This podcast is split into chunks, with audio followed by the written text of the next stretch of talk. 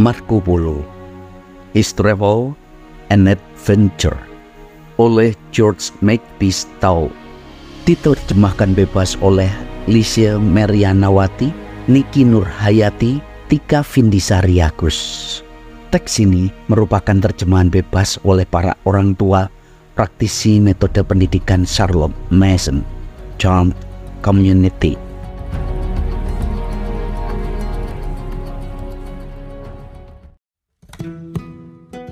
Bab 2 minggu ketiga Masa muda Marco Polo Kalian para pembaca mungkin sudah bisa menebak bahwa sulung dari dua anak laki-laki yang menyebut ayah mereka pulang adalah Marco Polo.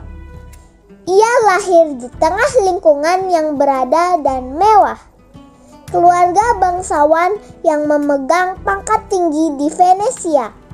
Ayahnya Nicola sebelum melakukan perjalanan ke istana Kubilai Khan yang mengesankan telah mewarisi dan mengumpulkan harta kekayaan. Marco kecil tidak perlu menderita akibat kekurangan yang menempa begitu banyak penjelajah dan para penemu hebat di masa itu yang memaksa mereka terbiasa dengan kehidupan yang penuh bahaya serta petualangan yang sulit. Dari tahun-tahunnya yang begitu ringan itu, dia tidak paham apa artinya mengharapkan sesuatu hal di luar jangkauan. Pakaian-pakaian bagus, banyaknya teman bermain, belayan orang tua yang penuh kasih sayang, semua kesenangan yang disenangi anak-anak pada masanya adalah miliknya. Alih-alih pergi ke sekolah, ia diajar oleh guru dan pengasuh di rumah. Dan ia menemukan pelajaran sebagai suatu hal yang menarik. Sehingga ia menjadi seorang pelajar yang lebih baik daripada kebanyakan anak laki-laki seusianya. Dia sangat menyukai sejarah serta narasi petualangan dan penemuan dan sering kali sulit membujuknya untuk meninggalkan bukunya hanya untuk pergi tidur. Dia juga menyukai geografi.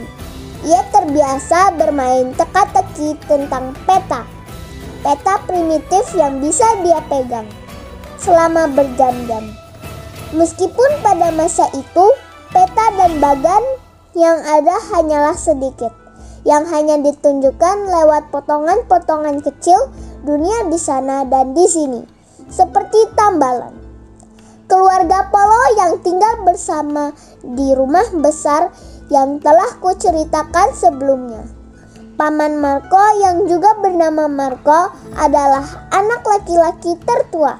Dan saat Nicolo bersama Maffeo melakukan perjalanan, Paman Marco tetap berada di Venesia untuk memegang kendali atas toko penting yang mereka jalankan bersama. Marco tua ini adalah pria yang baik hati, meskipun dia agak sedikit angkuh dan sombong.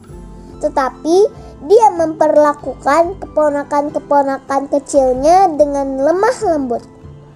Bahkan saat dua keponakannya tidak ditemani ayah dan ibu, Paman Marco terus mengawasi tingkah laku dan kebiasaan mereka.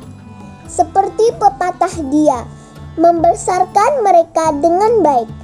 Dan sesekali ketika semangat Marco muda begitu tinggi dan menunjukkan kelakar liar, pamannya akan mengurungnya di salah satu ruangan terpencil di rumah. Pada kejadian ini, si kecil Marco biasanya akan meminta permohonan agar salah satu bukunya dapat menemaninya. Namun, ketika pamannya menolak usul ini, hukuman itu terasa begitu berat baginya.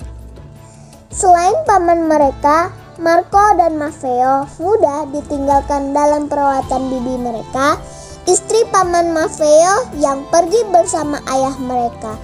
Dan Teman sehari-hari mereka adalah dua orang sepupu mereka, putri sang bibi, yang usianya tidak jauh terpaut dari mereka.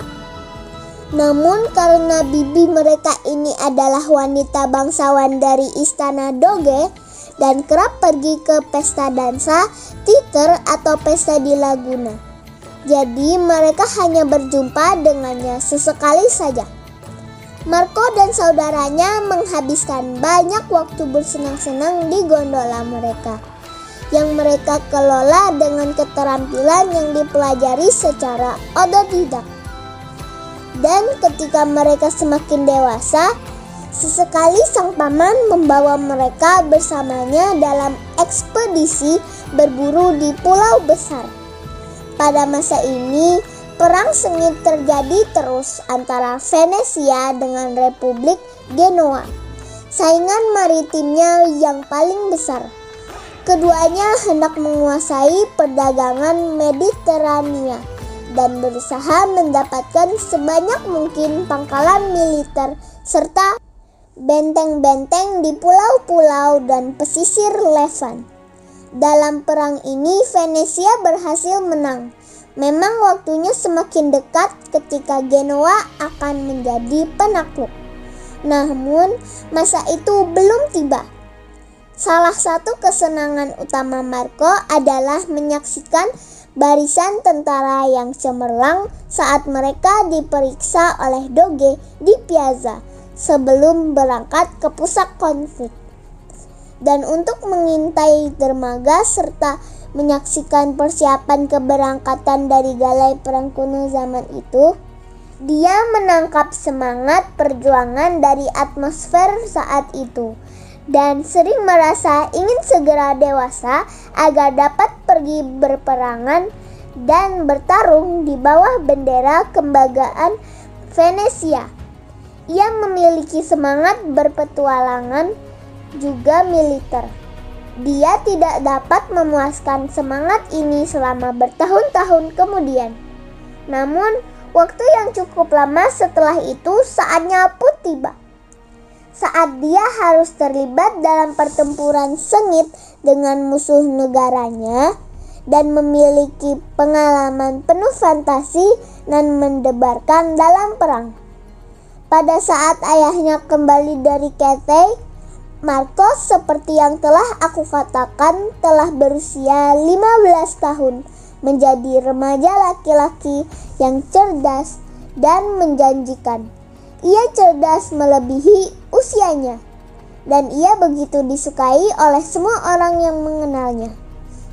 Dapat dipercaya bahwa dia senang melihat ayahnya sekali lagi setelah bertahun-tahun berlalu dan mendengar dari bibirnya kisah tentang banyak hal dan petualangannya yang menakjubkan di timur, Nicola di sisinya. Bersuka cita menemukan putra sulungnya tumbuh menjadi remaja yang begitu bersemangat dan menarik dan sangat bangga padanya.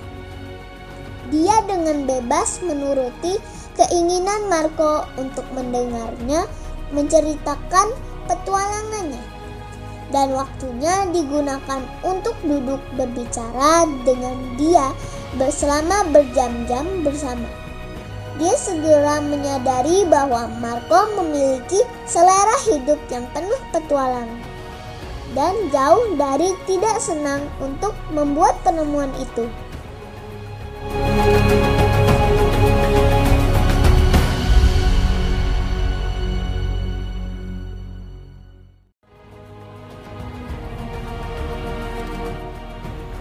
Bagaimana?